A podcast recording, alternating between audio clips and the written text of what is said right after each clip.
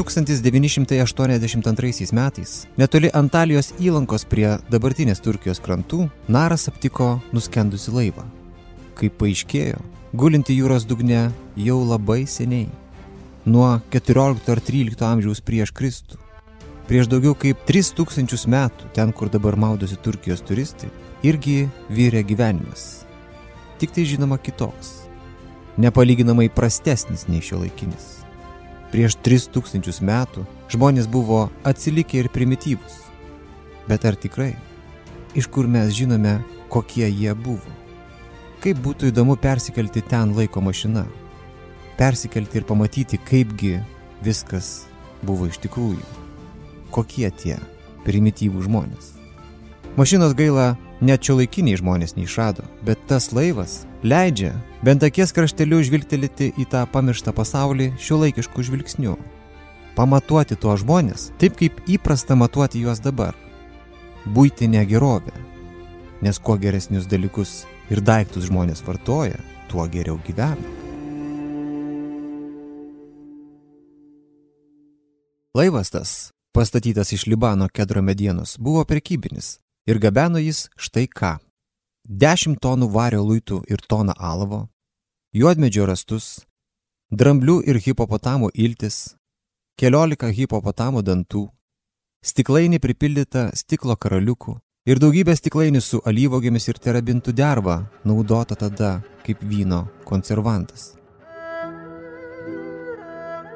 Tarp kitų gerybių laive migdolai, pistacijos, figos, vynogės, kalendros, granatai, auksinis karabėjaus vabalas su nefertytės vardu, strėlių antgaliai, durklai, vėžlio keutas, stručio kiaušiniai, kvarco kristalai, auksas, keramikos dirbiniai ir aliejinės lempos iš Kipro, taip pat neapdoroti kobalto melinumo ir levandų spalvos stiklo blokai.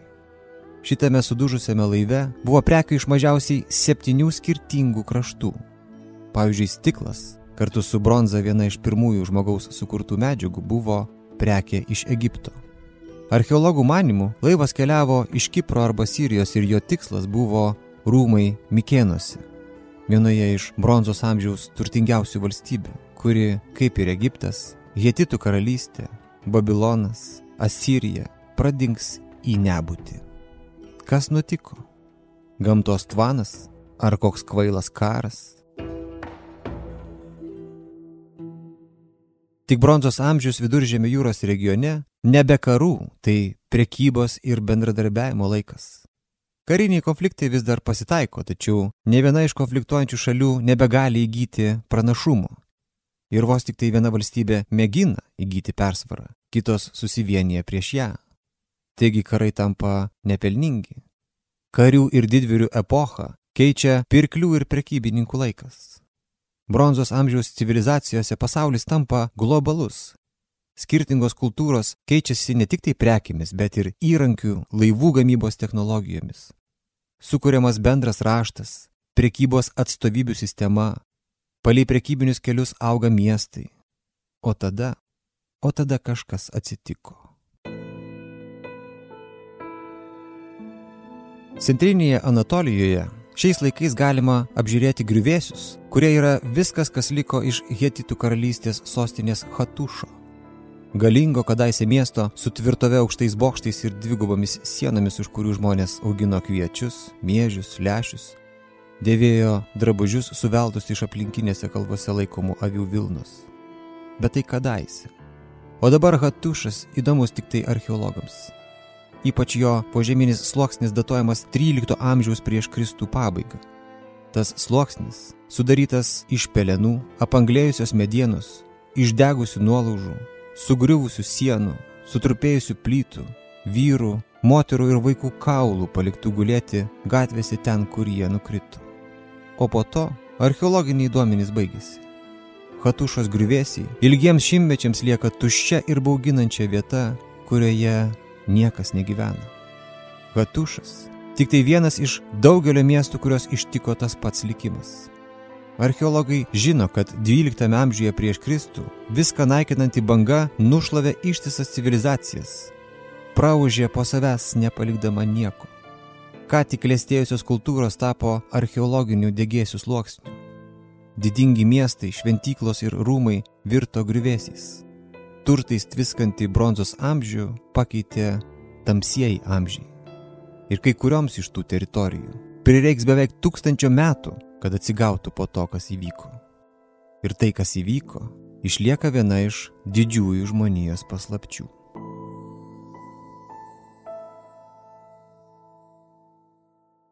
Nepaslaptis tik tai amžinas principas, pagal kurį viskas turi savo pradžią ir pabaigą.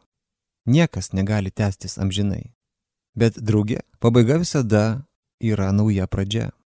Praeis keletas šimtmečių ir pradingusių civilizacijų vietoje atsiras naujos.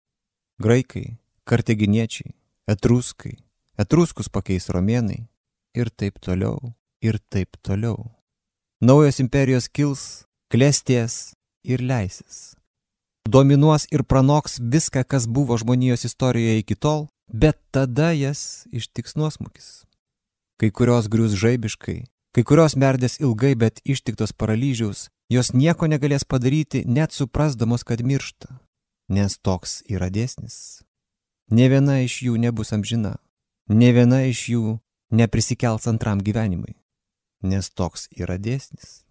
Taip kaip ir mes, žmonės, gimstame, užaugame, senstame ir galiausiai mirštame, užleisdami vietą kitiems, tikintiems, kad jie pakeis pasaulį, padarys jį tokiu, kokio anksčiau gyvenę net neįsivaizdavo, gal net taps nemirtingais, pakeis Dievą ir ištaisys visas jo klaidas.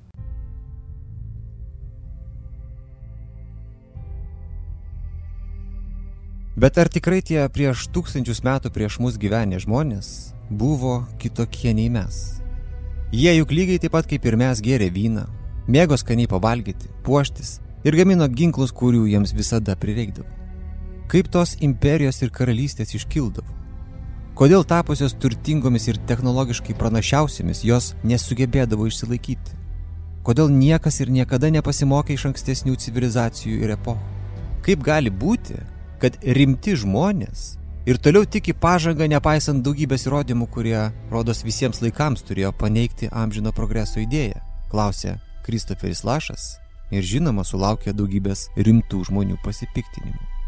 O man tai įdomus klausimas ir didelė tema. Viena iš šūsnių, apie kurias aš norėčiau su jumis pasikalbėti. Bet tų temų ir klausimų tiek daug, kad tuo pačiu metu ir nenoriu. Permastymų, praeities jungčių, suvokimų, prieštaravimų, nusivylimų ir atradimų yra tiek daug, kad man tik pradėjus apie tai galvoti, užkaista smegenis. Ir tada vidinis balsas kužda, kad kur kas išmintingiau būtų patilėti, pasilaikyti visą tai savo. Taip ir tyliu, jau ilgai, nuo to karto, kai praleidau seriją apie mus. Aš nepamiršau tos skolos jums. Rašiau tą seriją net kelis kartus, bet visko joje buvo per daug ir beveik nieko gero. Rašiau, perrašinėjau, vėl perrašinėjau, pildžiau, tryniau. Bet ilgai verdant tam troškinį viduje, galiausiai aš turėjau savo sąžininkai prisipažinti, kad lengvabūdiška būtų dabar rašyti apie rusų caro Petro nuotikius arba atkūrinėti praeities dramas su ta gudre distancija. Tai apie juos, ne apie mus. Tai nutiko jiems, ne mums. Tai buvo labai seniai, O dabar tai kiti laikai. Galima taip pasakoti istoriją. Bet tai gal net ne visai istorija. Tai intelektualus malonumas. O už lango tikras karas. Atveriantis dalykus, kurių nesimatė po amžino progreso ir vis didesnės gerovės lozungais. Veidmainystę, savanaudiškumą, valios praradimą, išlepimą, baimę, trumparegystę, lengvabūdiškumą, paviršutiniškumą, susvetimėjimą, gyvenimo prasmės praradimą ir sikiu pernelyg gerą nuomonę apie save. Po optimizmu paslėptą norą nematyti to, ko nesinori. Ir dar tas amžino pranašumo prieš anksčiau gyvenusiuosius jausmas. Daug visko, todėl pasakosiu jums po mažą gabaliuką kalbinsiu protingesnius už save, kad galėčiau suprasti, nors sprendžiu daugiau apie tai, apie ką neišmanau. Ir mėginsiu visą tai jungti į dėlionę, kurią pavadinau begalybės veidrodžiu.